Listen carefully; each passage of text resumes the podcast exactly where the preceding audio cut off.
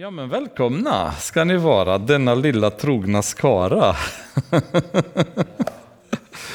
ja. Fader, jag tackar dig jättemycket för denna dag och tack för dina välsignelser i våra liv. Tack för den kärlek som du visar oss. Tack för det intresse som du alltid visar oss när vi kommer nära dig, Herre. Dina öron är öppnade för våra böner. Du finns där för att stärka oss och trösta oss, Fader. Jag tackar dig för denna kväll och ber om din välsignelse över det här bibelstudiet. Välsigna var och en som har tagit sig hit ikväll. Välsigna dem som hade velat vara här och inte kunnat. Välsigna dem som kommer lyssna på bibelstudiet på ett eller annat sätt. Och låt ditt ord verka i de hjärtan som behöver höra det och bygga upp de liv som behöver byggas upp. I Jesu namn. Amen. Första Moseboken kapitel 18 tänkte jag att vi skulle hinna med idag. Eh, och förra gången så lämnade vi Abraham och eh, Sara. Eh, och det var i sluttampen på kapitel 17 då hade Gud beordrat, kan man säga, Abraham att omskära alla av manligt kön som bodde i hans hus, vare sig det var hans tjänare, hans son Ismael eller eh, köpta slavar eller vilka nu var. Och det var ett, också ett bud att detta ska sen hållas av hans efterföljare för alltid. En, ett förbund för evighet kan man säga mellan Gud och dem. Och de eh Eh, gick igång direkt och det är också en sån här grej som vi inte kanske stannade till och pratade förra gången.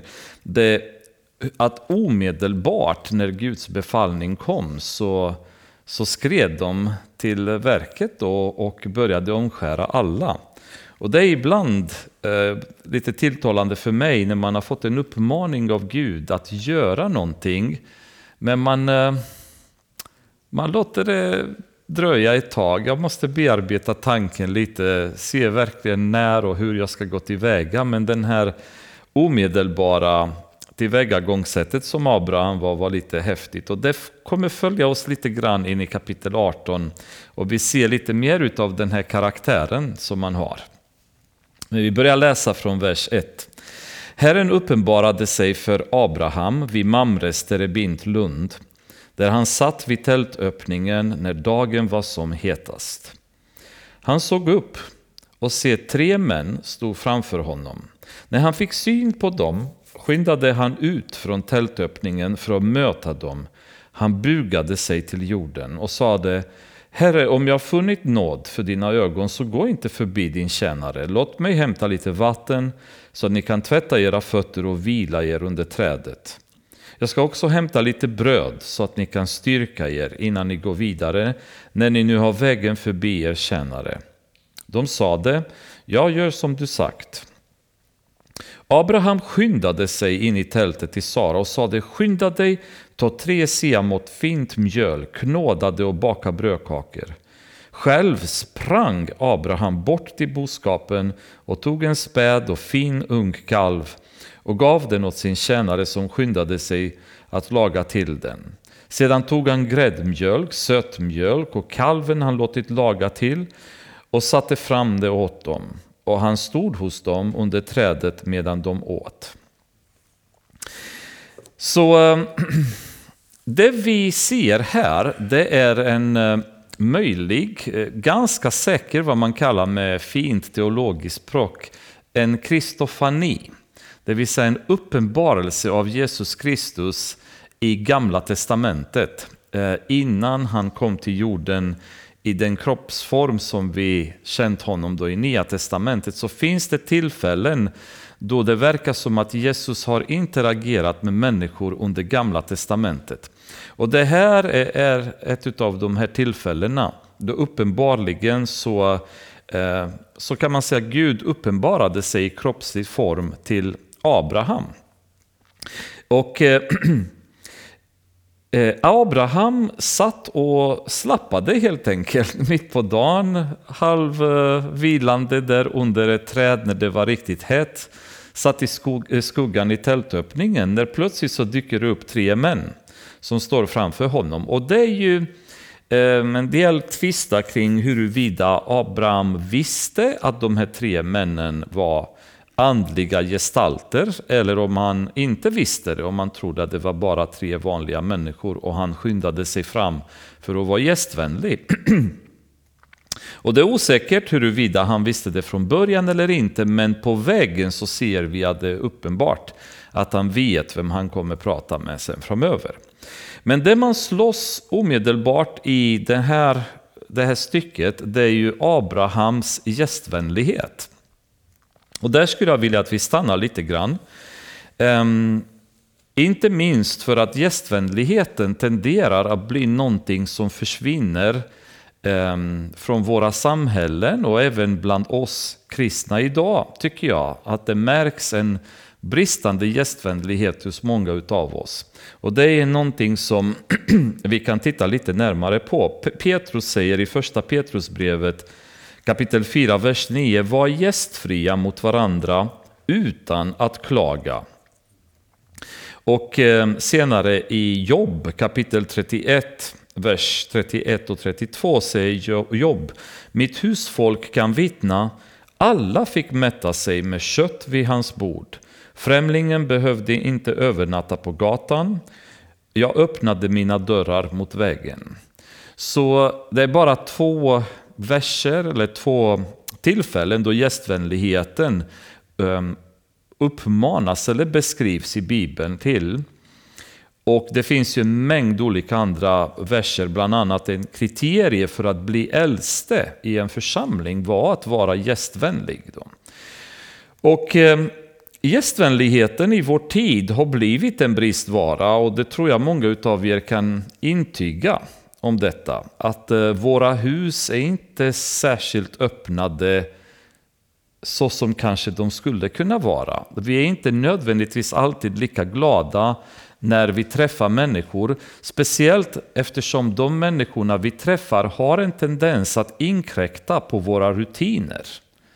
Vi har skapat våra rutiner, eh, våra favoritprogram då vi vill vara i fred för att kunna titta på Eh, när det är aktuellt eller när det är en, en film vi tycker om att sätta oss framför eller eh, idrottsevenemang. Eh, vi har vår tid med vår familj, när vi kanske tycker om att vara tillsammans och äta i lugn och ro. Då vill vi inte gärna bli störda av någon som kommer in och rubbar våra rutiner och kanske ställer krav att vi ska vara lite flexibla eller plötsligt visa de personerna uppmärksamhet istället för att visa varandra uppmärksamheten. Så äm, även kristna, vågar jag påstå, vi har blivit väldigt mycket mer självcentrerade, upptagna med oss själva till den punkt där gästvänligheten har blivit en bristvara bland kristna idag. Eh, dörrarna är inte så öppnade som kanske de var en gång i tiden. Och eh, den sociala interaktionen som kristna tidigare hade när, när de var mycket mer öppnade för varandra har börjat försvinna. Eh, även från församlingarna.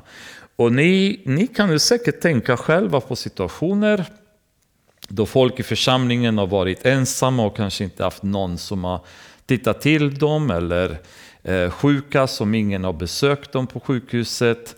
Ehm, eller när ni själva eh, fanns i situationer där, där ni hade behövt någon men ni inte fått någon.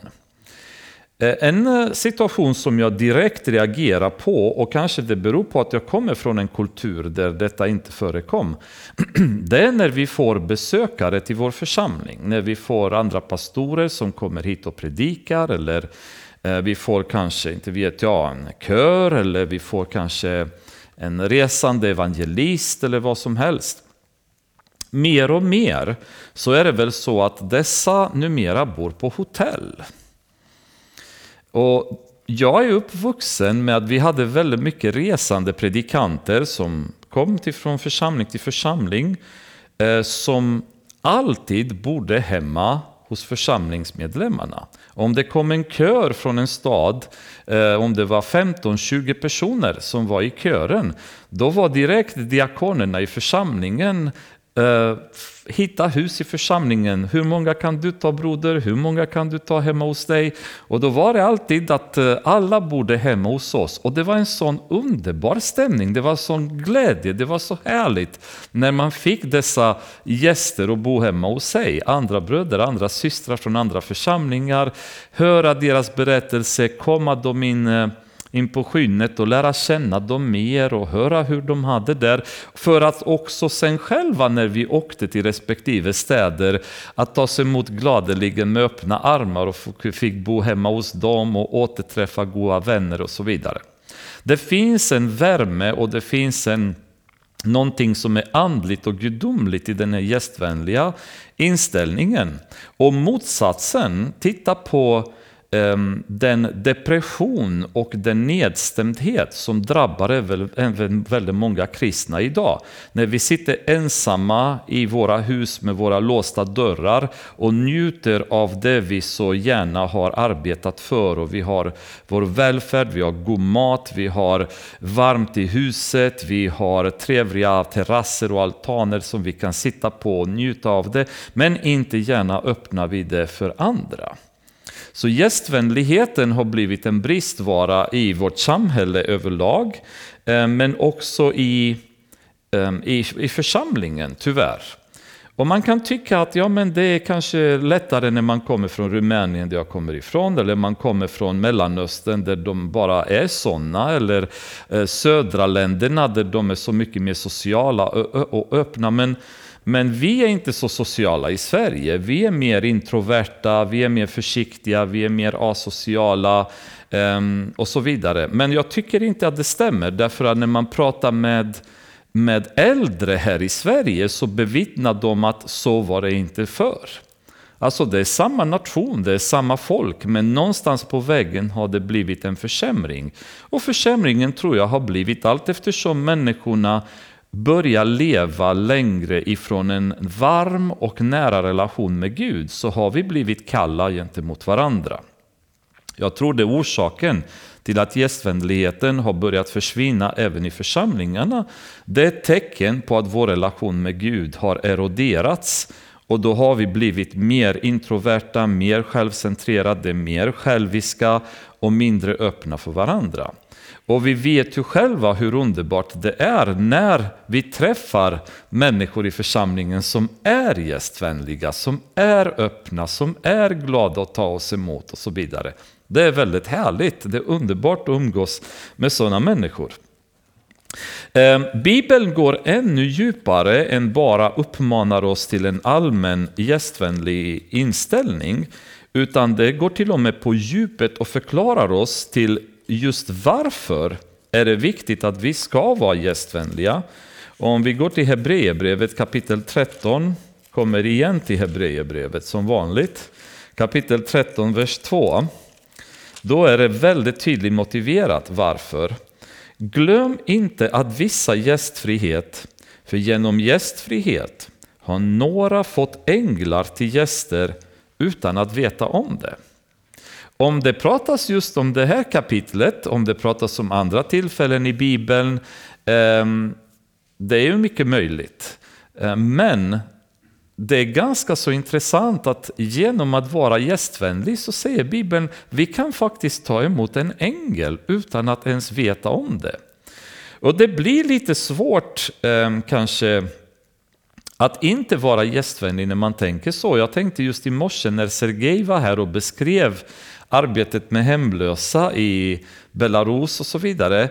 Jag tänkte just då, eftersom jag ändå för, höll på att förbereda predikan, jag tänkte Tänk alltså om du tar in en hemlös person, du kan faktiskt ta in en ängel utan att du vet om det.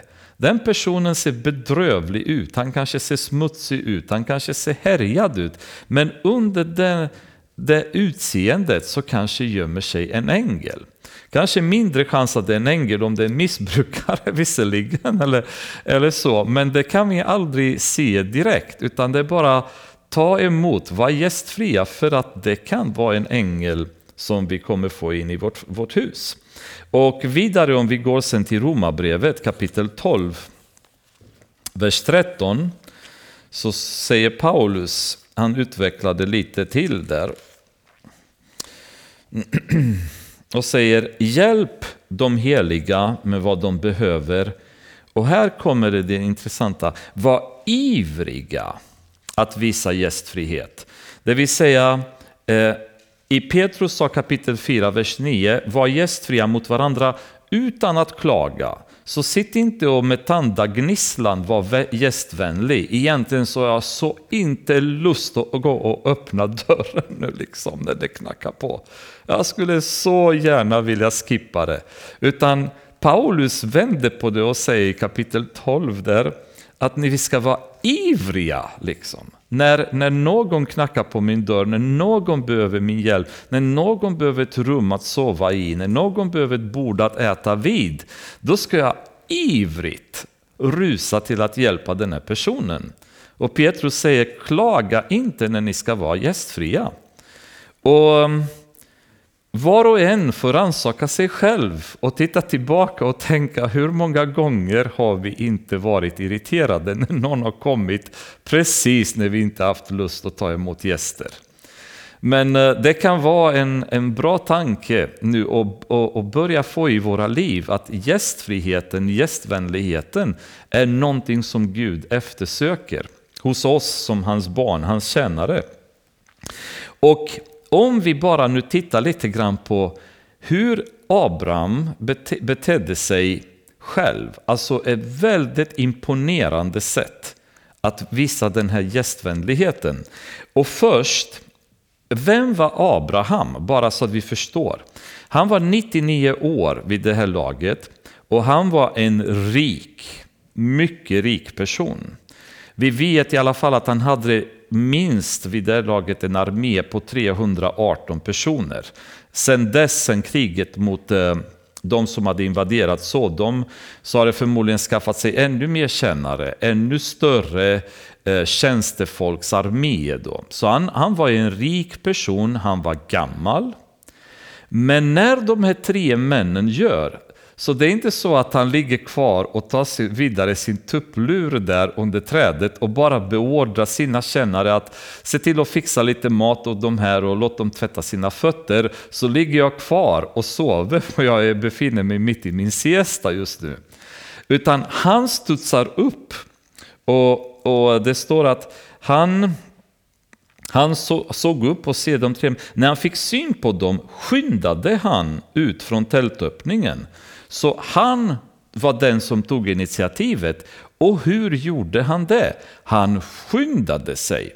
Det är inte så bara åh, Alltså vad jobbigt, kommer de nu mitt i dagen? Vi, alltså jag hade, vi pratade med en i Spanien som berättade hur irriterad han blev en gång när han skulle ha sin siesta och någon hade gått ut och skulle klippa häcken eller något sånt där. Och han var en broder till oss då förstås och då, då eh, var han så väldigt bekymrad över detta att jag inte kan få sova mitt under siesta och gå ut och säga men eh, nu får du sluta klippa häcken nu för det är siesta. Alltså det är inte den här inställningen Abraham hade. Det är så här, jag befinner mig mitt i siestan, eh, jag har egentligen ingen lust att ta mig an de här tre. Vet de inte att det är siesta-tid nu mitt på dagen, måste de komma nu liksom? Eh, ganska otrevligt eller oartigt att de, vad är det för gäster som kommer och stör mig när jag ligger och sover under trädet då? Men han hoppar upp och han skyndar sig till dem. Ehm, och i vers 7 så står det dessutom att han sprang. Alltså mannen var 99 år gammal. Det är inte så att han går på gymmet varje dag och han tränar kondis och så vidare och han, han bara råkar tycka det är roligt att springa. Han är ju gammal. Han är 99 år. Men han springer iväg för att fixa mat. Han rusar till Sara, skynda, baka bröd nu, pronto. Och dessutom så skulle hon ha liksom goda saker till det. Det var fin mjöl hon skulle använda för att baka brödet. Och så springer han ner till flocken liksom för att välja vad? Inte sämsta möjliga djur han kunde komma på, utan en fin, en fin kalv som man tar därifrån som, som skulle slaktas. Och um, direkt med kalven till hans tjänare, fixa till det snabbt, fixa gräddmjölk, fixa, fixa sötmjölk och så vidare godaste möjliga rätten, alltså nybakt bröd, nyslaktat kalv, grädde, mjölk. Se till att de här människorna äter gott här liksom. Det var hans inställning i det här läget. Och de landade i en stund där han befann sig i en, ett lat tillstånd kan man väl säga. Det är ungefär som när jag ligger hemma efter en arbetstid, kommer hem, sätter fötterna på bordet i vardagsrummet, tar lite popcorn och tittar på någonting på tv, halvslumrande för för trött för att tänka rätt. Och då, om någon knackar på dörren, dessutom jag tar på mig kanske pyjamas, har ingen lust att gå och klä på mig igen, sitter halvslappad där och sen knackar det på dörren. Uh, liksom, måste någon komma nu? Det är ungefär vid det tillståndet Abraham befinner sig. Han sitter där med popcornen, han slappar, halvslumrar och det kommer de här tre männen och hans attityd är bara tjo, liksom. Han springer iväg och spinner på alla fyra och fixar allt och grejer för att de här ska bli välkomna utav honom. Fötterna skulle tvättas på dem, stanna kvar, gå inte vidare säger han till dem, liksom, utan vi behöver ta hand om er nu när ni har kommit hit. Och eh, vi är ju ändå, många av oss, mycket yngre än vad Abraham är men så mycket segare och latare i att vara gästvänliga än han vara. Vi har inte den här övningen i våra liv. Vi har inte den här vanan vid att vara på, på tårna när någon behöver oss eller när någon befinner sig i nöd eller i behov av våra bekvämligheter. Att vi ska vara snabba på att hjälpa någon annan, att vi ska snabba för att låna ut vår gräsklippare, att vi ska snabba på att våra, låna ut vår bil och så vidare. Att vi ska vara på hugget när människor behöver oss. Ehm, men det var Abraham och det är väldigt spännande att se hur han bara studsar runt på alla, alla håll liksom och fixar och donar för att allting ska bli perfekt. Så ehm, i vers 9 så frågade de honom, var är din hustru Sara? Han svarade, där inne i tältet. Då sade han, ehm, jag kommer tillbaka till dig nästa år vid denna tid och se, då ska din hustru Sara ha en son. Detta hörde Sara där hon stod i tältöppningen bakom honom. Och en bibelkommentator som jag gillar, han heter G. Vernon McGee, han pratar en sån här väldigt eh, god amerikanska. Han, han sa att egentligen det Sara gjorde nu var att hon spanade genom nyckelhålet. Liksom. Så förmodligen var hon i tältet och tjuvlyssnade på diskussionen där ute. Hon var inte ute bland männen, hon var i tältet. Men hon, hon allt stod och lyssnade på vad som försiggick där ute. Så detta hörde Sara där hon stod i tältöppningen bakom honom. Men Abraham och Sara var gamla och hade nått hög ålder. Och Sara hade inte längre det som kvinnor brukar ha. Sara log inom sig och tänkte, ska jag få känna åtrå när jag är utsliten och min herre är gammal? Herren sade till Abraham, varför log Sara? Och tänkte, ska jag föda barn, jag som är så gammal? Skulle något vara omöjligt för Herren? Vid den, vid den bestämda tiden nästa år kommer jag tillbaka till dig, och då ska Sara ha en son. Då nekade Sara och sade, jag log inte för hon blev rädd. Men han sade, jo, du log. Så eh, Gud hade gett Abraham flera gånger det här löftet att han kommer få en son. Och han hade tidigare sagt att han skulle få en son genom Sara och att det skulle bli ett stort folk. Men det är ju också det här, kommer, kommer Gud hålla sina löften? Och vi kan säkert svara ja på det, vi vågar inte säga något annat. Har Gud makten att hålla sina löften? Ja, eh, ingen av oss kommer våga säga något annat. Men tror vi på det? Har vi tro på att Gud håller sina löften? För om vi har tro på det, hur kommer det sig att vi tvivlar så många gånger och vi är så många gånger nedstämda och rädda när vi har så starka löften bakom oss från Gud? Och det är viktigt att vi, vi möter Guds löften i tro. Och det sägs just om Abraham i Romarbrevet kapitel 4 att han trodde på Gud, han trodde på hans löften. Och det var inte i otro han agerade, utan det var i tro. Och i eh, Andra Timoteusbrevet kapitel 2, vers 13 så står det Är vi trolösa? Förblir han trofast, för han kan inte förneka sig själv. Det kan bli så ibland att vi tappar vår tro, att vi vacklar. Men när Gud har gett oss ett löfte så kommer det löftet hålla. Och det är så spännande det här, för om vi går på djupet, om man skulle verkligen gå på djupet kring frälsningen. Och varför frälsningen är så stark, frälsningsprocessen när vi väl har genomgått. Det är för att när Jesus har tagit oss i hans hand och gett oss hans löfte att ingen kommer rycka oss undan från hans hand, då menar han det. Han säger inte bara i någon slags metaforiskt, eh, på ett metaforiskt sätt, utan han menar det. Ni är mina och från min hand kommer ingen kunna ta er. Och det finns tröst, det finns glädje i detta, det finns uppmuntran. Jag vet att det finns ingenting som kommer få oss att, att ryckas bort från Jesu hand. Och det är också att det förbund som Gud hade gjort med Abraham kommer leva för evigt. Det löftet kommer han uppfylla. Men Sara hörde detta och hon, hon hade en, en, så att säga, en, en tveksamhet i detta beroende på mänskliga faktorer. Vi är för gamla, det funkar inte längre. Den tiden är förbi. Och det är därför förmodligen har Gud också väntat så länge med att infria det löftet tills det kommer till den punkten där på mänskligt sätt är det omöjligt att åstadkomma det men genom Guds styrka och makt så är det fullt möjligt. Och därför är vers eh, 14 en sån här vers som är kanske eh, genomgripande för hela Bibeln och hela Guds personlighet. Skulle något vara omöjligt för Herren? Och det säger vi förstås nej, ingenting.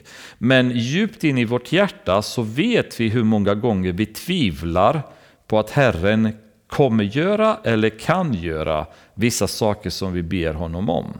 Och därav vår svagare tro i vår relation med Gud. För att innerst inne har vi inte lärt känna honom. I teorin så vet vi det, men eftersom många av oss saknar en riktig praktisk närhet till Gud, där vi dagligen och regelbundet upplever honom i, våra liv så är väldigt svårt för oss att flytta det här från intellektuella nivån till hjärtat. Så att vi med känslomässiga kraften och med, med tron verkligen går in i den här versen och vet att ingenting är omöjligt för Herren. Men intellektuellt så vet vi det, men vi känner inte till det in i vårt liv därför att vi har inte övat det tillräckligt mycket. Men Gud säger till Abraham själv att ingen, skulle någonting vara omöjligt för Herren? Är det, är det någonting som Gud inte kan göra? Och det som är också lite intressant, det är ehm, inställningen gentemot Sara där där Gud säger till Sara när hon sa ah, nej men jag, jag log inte, hon bara backar, hon är lite halvrädd där och säger Gud bara jo men du log väl liksom. Eh, istället för att säga hur kunde du, du hade ingen tro Sara, vad är detta liksom? Utan bara den där kärleksfulla guden ändå, men kom igen, du, du stod ju där och log. och det, det är lite en sån god relations nu mellan Gud och Abraham. Och det här är ju enda stället i Bibeln där eh, Gud i form troligen av Jesus, eftersom ingen har någonsin sett Gud, så det måste varit Jesus uppenbarat vid det tillfället. Att vid det här tillfället, det är ju längsta tillfälle i Gamla Testamentet, då Jesus umgås fysiskt med en person eller med flera personer under så lång tid. där han står eh, under en lång period hemma hos eh, Abraham. För allt det här, baka bröd och slakta en kalv och fixa till, det här tog ju timmar förmodligen för dem att ordna. Under den tiden så är de där, sen sitter de och äter tillsammans och Abraham står bredvid dem när de äter som en tjänare egentligen, fast han är ju själv shejk i princip och hur rik som helst. Men han står bredvid deras bord så stod det där. Så hela den här perioden tar ett antal timmar och sen kommer fortgå ännu längre tid. Så det är ganska spännande tillfälle av underbart härligt umgänge mellan Gud och de två änglarna och sen Abraham, Sara och deras tält, deras liv där. Och det finns, eh, det finns något speciellt med den här relationen som uppstår nu mellan dem vid det här tillfället.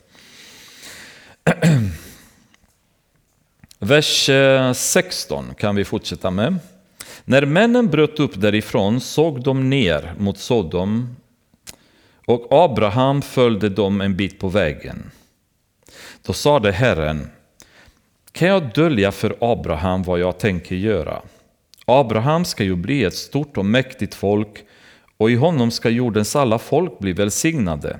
Jag har utvalt honom för att han ska befalla sina barn och efterkommande att hålla sig till Herren, Herrens väg och handla rätt och rättfärdigt, så att Herren kan uppfylla sina löften till Abraham. Sedan sade Herren, ropet över Sodom och Gomorra är starkt och deras synd är mycket svår. Därför tänker jag gå ner och se om de har gjort så som i ropet som har nått mig. Om det inte är så vill jag veta det. Männen vände sig därifrån och gick mot Sodom, men Abraham stod kvar inför Herren. Ehm, vi har läst tidigare i Första Moseboken kapitel 13, vers 13 att ehm, Sodoms män var onda och stora syndare inför Herren. Så redan då så beskrevs Sodom som ett stort problemområde. Samtidigt som Sodomområdet beskrevs som Egyptens land, som en, som en lustgård. Så det var väldigt vackert, väldigt fint, väldigt eh, välmående, väldigt eh, frodigt, väldigt rikt. Men människorna där var genomgående onda och stora syndare. I Jeremia kapitel 23, vers 14. Eh, Sodom dyker upp som jämförelse eh, stad, både Sodom och Gomorra, jättemånga gånger i Gamla Testamentet och även Nya Testamentet. Men jag kommer plocka bara några, bara för att få en uppfattning om vad innebär den här ondskan? Eller vad, vad är det här ropet från Sodom? Vad kan det, kan det ha handlat om då? Så Jeremia kapitel eh, 23, vers 14. Och hos Jerusalems profeter har jag sett förskräckliga ting. De begår äktenskapsbrott och ljuger. De uppmuntrar dem som gör ont så att ingen vänder om från sin ondska. De är alla för mig som Sodom och stadens invånare som Gomorras. Så där det Gud säger här, det är att det Sodom och Gomorra hade problem med, det är bland annat äktenskapsbrott, lögner, men också, det här är intressant, uppmuntra de som gör ont. Så inte bara att de själva gör ont, utan att de uppmuntrar det som, de som gör ont. Det är samma som sen Paulus pratar om i eh, Romarbrevet kapitel 1. Att inte bara de själva perverterade sina liv, men de uppmuntrar andra och berömmer andra som lever i synd istället för att själva ta tag i det. I Hesekiel kapitel 16, vers 49 och 50 kan vi läsa en annan vidare beskrivning av Sodom och Gomorra. Nej, Sodom var det tror jag bara. Sexton, 49 och 50. Se detta var din syster Sodoms synd. Högmod, överflöd av mat och bekymmerslös säkerhet hade hon och hennes döttrar, men hon hjälpte inte den nödställde och fattige. De blev högfärdiga och gjorde sådant som var vidrigt inför, för mig. Därför, för, därför för, försköt jag dem när jag såg det. Så det var en, ett högmod som de levde med som i sin tur sen genererade um, en vidrighet i deras beteende satt fullständigt ointresse att hjälpa de nödställda, de fattiga, vilket vi vet är alltid någonting som Gud prioriterar i Bibeln. De som har det svårt måste vi hjälpa. De som, som lever i situationer som är ehm, ehm, kan man säga, besvärliga för dem, vare sig det är föräldralösa, änkor, fattiga, sjuka, de vill Gud att vi ska vara med och hjälpa till. Och att inte göra det så ser inte Gud med blida ögon på den som undviker att göra det. Och högmodet som fanns där hade genererat de stora problem och vidrigheter som beskrivs. Och vi kommer se i nästa kapitel Ehm, några av de här vidrigheterna som de höll på med. Men dessa problem gjorde att ropet på något sätt hade kommit till Gud. Att Gud kände att det här det måste vara ett slut på detta. Det är helt enkelt för mycket ondska i de här städerna. Och, ehm, men i detta så är det frågan, hur ska vi göra med Abraham? Ska vi berätta för Abraham vad vi tänker göra? Eller ska vi hålla det hemligt från honom? I Johannes kapitel 15 så säger Jesus en sak som eh, nu när jag läste detta så fick mig att tänka eh, lite djupare på än jag tidigare hade tänkt när jag läste de verserna. Kapitel 15, vers 14 och 15. Och det är några verser som ni säkert känner till ganska bra. Men eh, jag hoppas att ni får lite annan vinkel nu när vi läser dem. Han säger så här. Ni är mina vänner om ni gör vad jag befaller er. Jag kallar er inte längre tjänare, för tjänaren vet inte vad hans herre gör. Jag kallar er vänner, för jag har låtit er veta allt som jag hört av min far. Mycket intressant. Så Jesus säger att ni är inte mina kännare längre, utan nu är ni mina vänner. Så jag vill inte hålla längre hemligheter ifrån er, utan jag vill meddela er, jag vill berätta för er vad vår far säger vad hans vilja är, vad han vill att, att ni ska göra. Det här är inte hemligt längre. Hans vilja nu är uppenbarat för er, för att nu är ni mina vänner. Hade ni bara varit kännare, då hade jag hållit saker hemliga. Men det han säger i början är att ni är mina vänner om ni gör vad jag befaller er. Det vill säga om ni lyder mig då blir ni mina vänner och vad är resultatet av det? Oh, då börjar Guds vilja uppenbaras för oss. Förstår ni nu varför vi i kristenhet idag famlar väldigt mycket i blindo när det gäller Guds vilja? Varför vi är disorienterade, varför kyrkorna blir konstigare och konstigare och många blir galna, en del blir döda, en del spårar ur och det blir ju konst kan det vara så att vi inte som församlingar lever nära Gud? Att vi inte följer vad han befaller oss. Därmed så kan han inte dela hans vilja med oss. Men när vi är hans vänner, när vi lever nära honom, då berättar han saker för oss. Och det är jättespännande därför att i, i Jakob kapitel 2, vers 23 så står det Abraham trodde Gud och det tillräknades honom som rättfärdighet och han kallades Guds vän. Och nu säger Gud till änglarna, ska jag dölja detta för, för Abraham? Han är vår vän, han är min vän.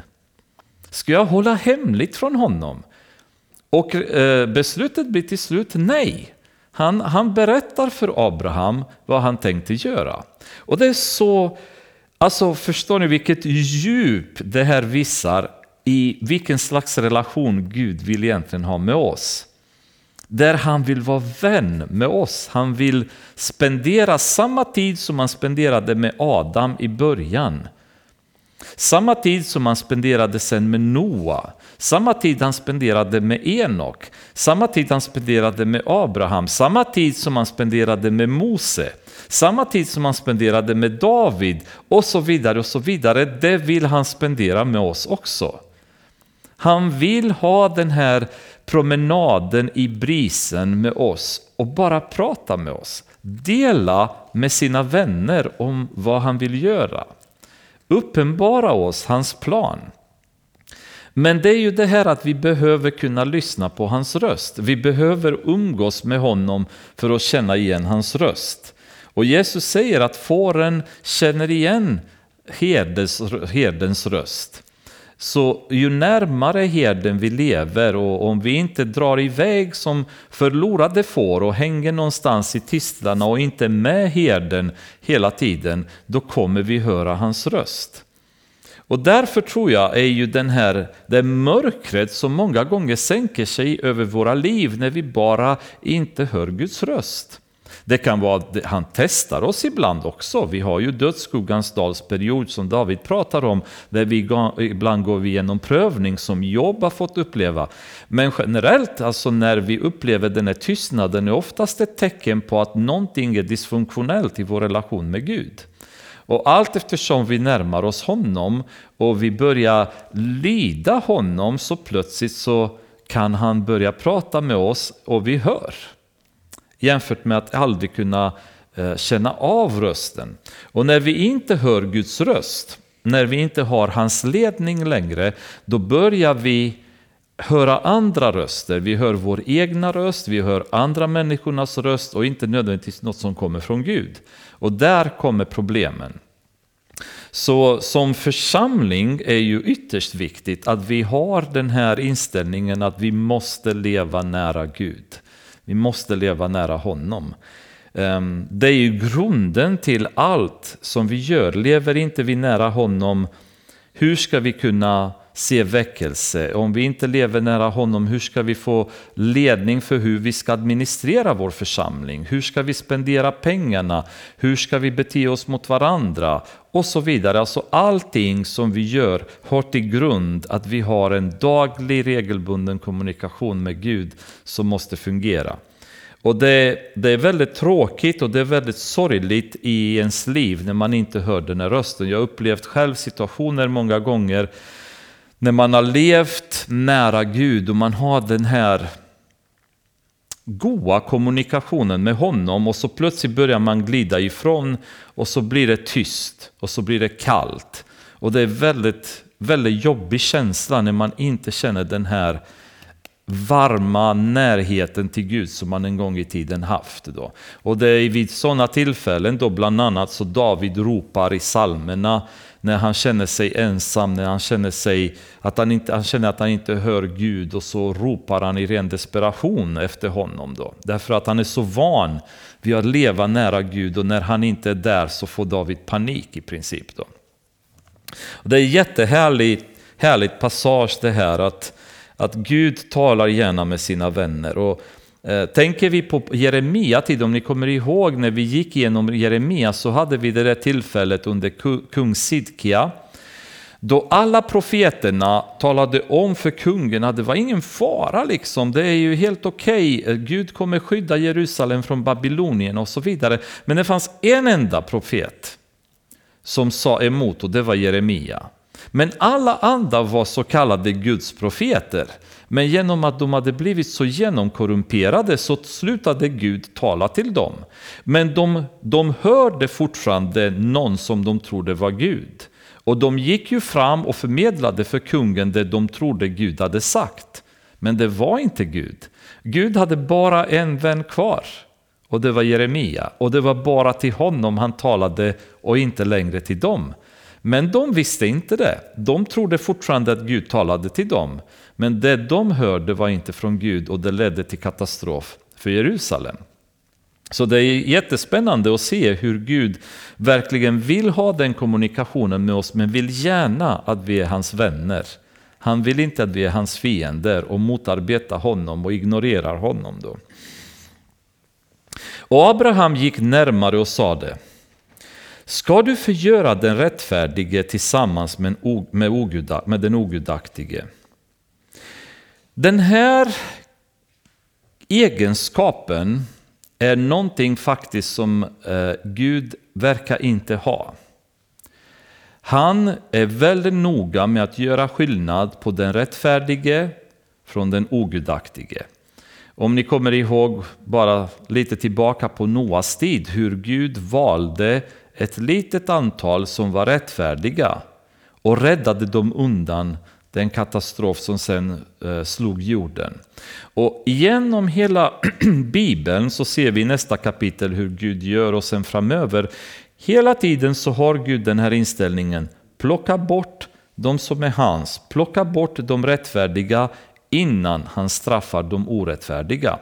Och det kan vara till, till grund om vi någon gång kommer gå in och börja prata lite mer på djupet om, om uppriktningen. uppryckningen. Det är ju en av mina stora anledningar till att tro att uppryckningen kommer ske innan vedermödan. Därför att vedermödan är den tid då Gud kommer göra upp med jorden. Han kommer straffa jorden för den synd som jorden kommer så att säga, bygga upp till den, till den tiden. Och därför tror jag starkt att församlingen, alltså de riktiga kristna, inte de som bara har ett stämpel på sig, utan de som är riktigt hans barn, de kommer inte gå igenom vedermödan utan kommer bli räddade. Därför att Gud förgör inte den rättfärdige ihop med, med den ogudaktige. Kanske finns det 50 rättfärdiga, säger Abraham i staden. Ska du utplåna den och inte skona orten för, den 50, för de 50 rättfärdiga skull som finns där? Aldrig att du skulle göra så att låta den rättfärdige dö med, med den ogudaktige. Då skulle den rättfärdige få det som den ogudaktige. Aldrig skulle inte han som är hela jordens domare göra det som är rätt. Väldigt intressant förhandlingsteknik som Abraham använde där, där han påminner Gud om så här är du Herre, du kan ju inte, du kan inte göra så här. Som att Gud inte visste det då. Men, men hela den här passagen, jag ser bara Mellanöstern framför mig i Abrahams sätt att förhandla med Gud. Liksom. Men han, han inleder med att påminna Gud om vem han är och säger bara, men du kan du är ju sån Herre, du kan ju inte gå och straffa de rättfärdiga med de ogudaktiga. Som om det finns 50 där, eh, vad tror du om det?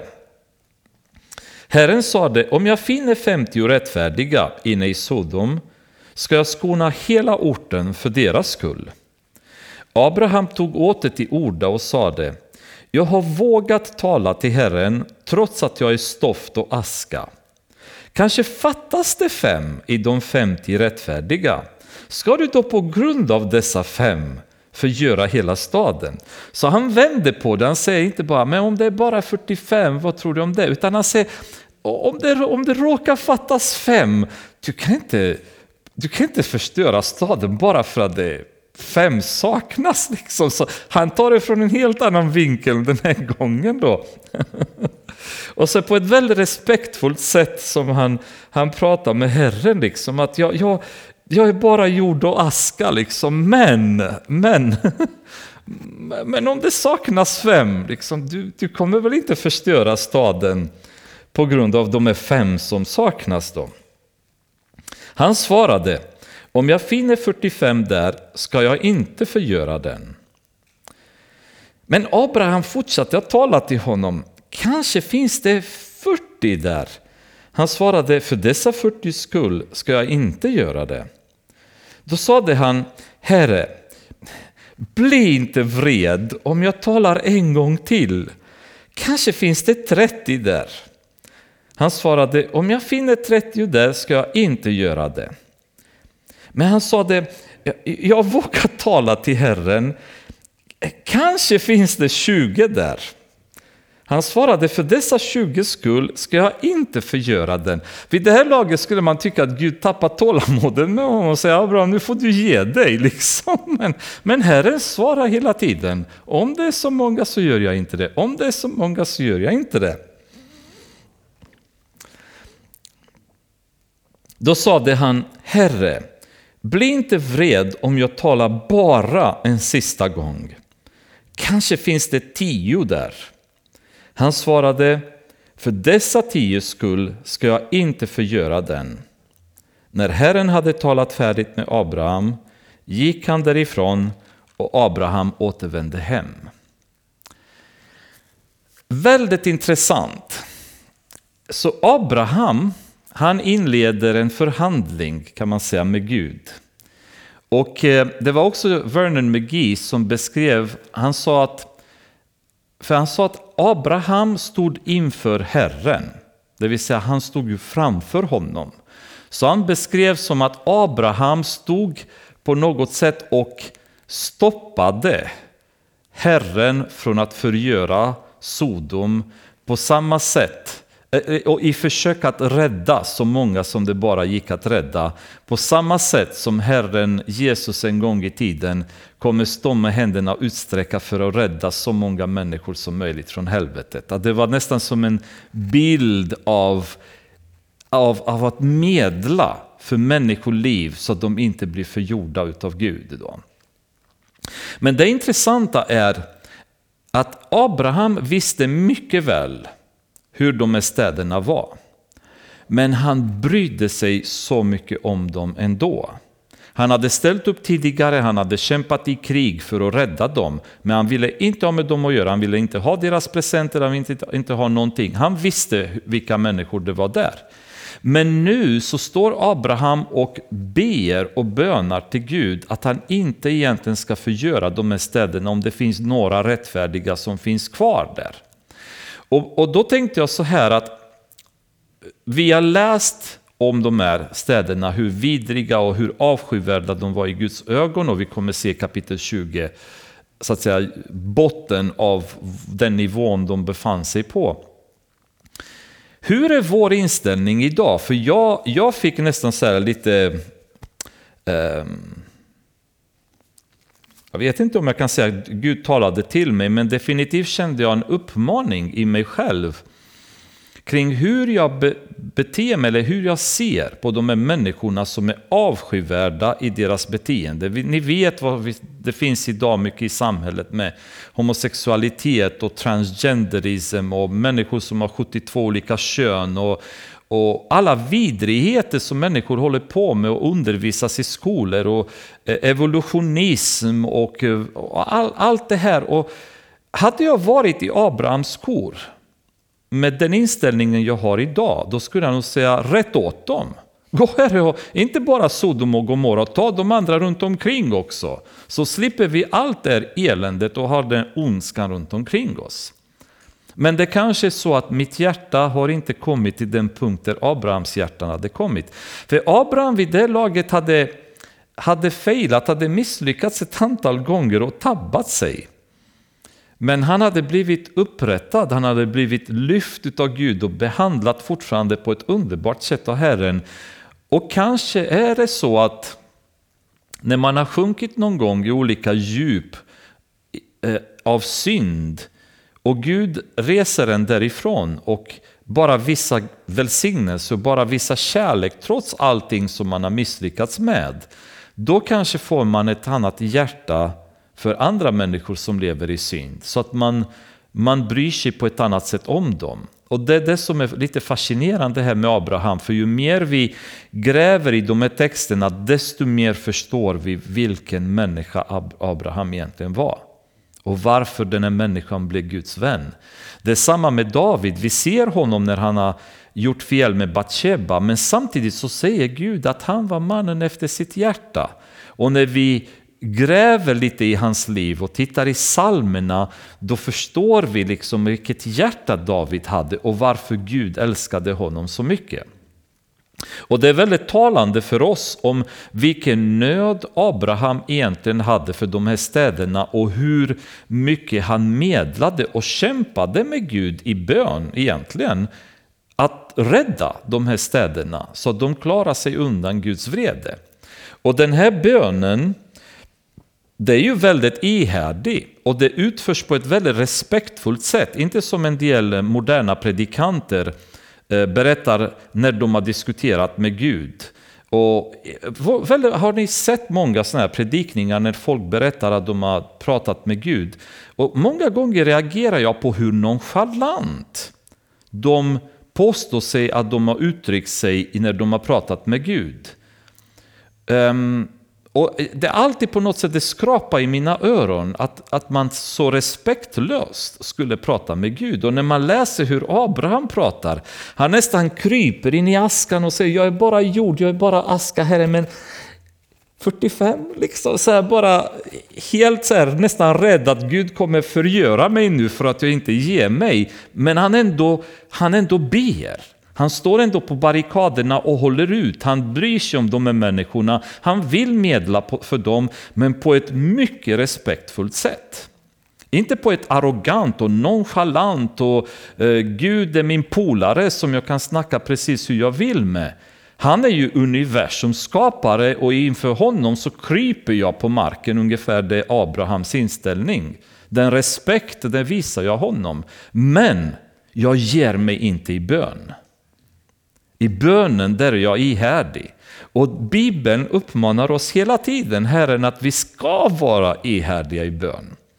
Därför att han lyssnar på oss när vi ihärdigt ber. På samma sätt som den kvinnan gick och tjatade på domaren tills till slut fick han nog och gav henne vad hon behövde, ger Jesus exemplet. På samma sätt här, Gud tappar inte tålamodet med Abraham för att fortsätta, han fortsätter att ber. Utan han möter honom i bönen hela tiden. Eh, och Abraham fortsätter och ihärdigt ber. Och jättespännande. Och för det är ju ändå så att, att bönen är det som, som vi kan använda för att få människor till Gud. Vi kan prata med en granne som vägrar prata med oss. Vi kan prata med en arbetskamrat som vänder oss ryggen. Vi kan prata med en kompis som säger att jag vill aldrig prata med dig längre om du håller på att prata om sånt här med mig. Eh, vi kan prata med någon som kommer hata oss, men vi kan alltid be.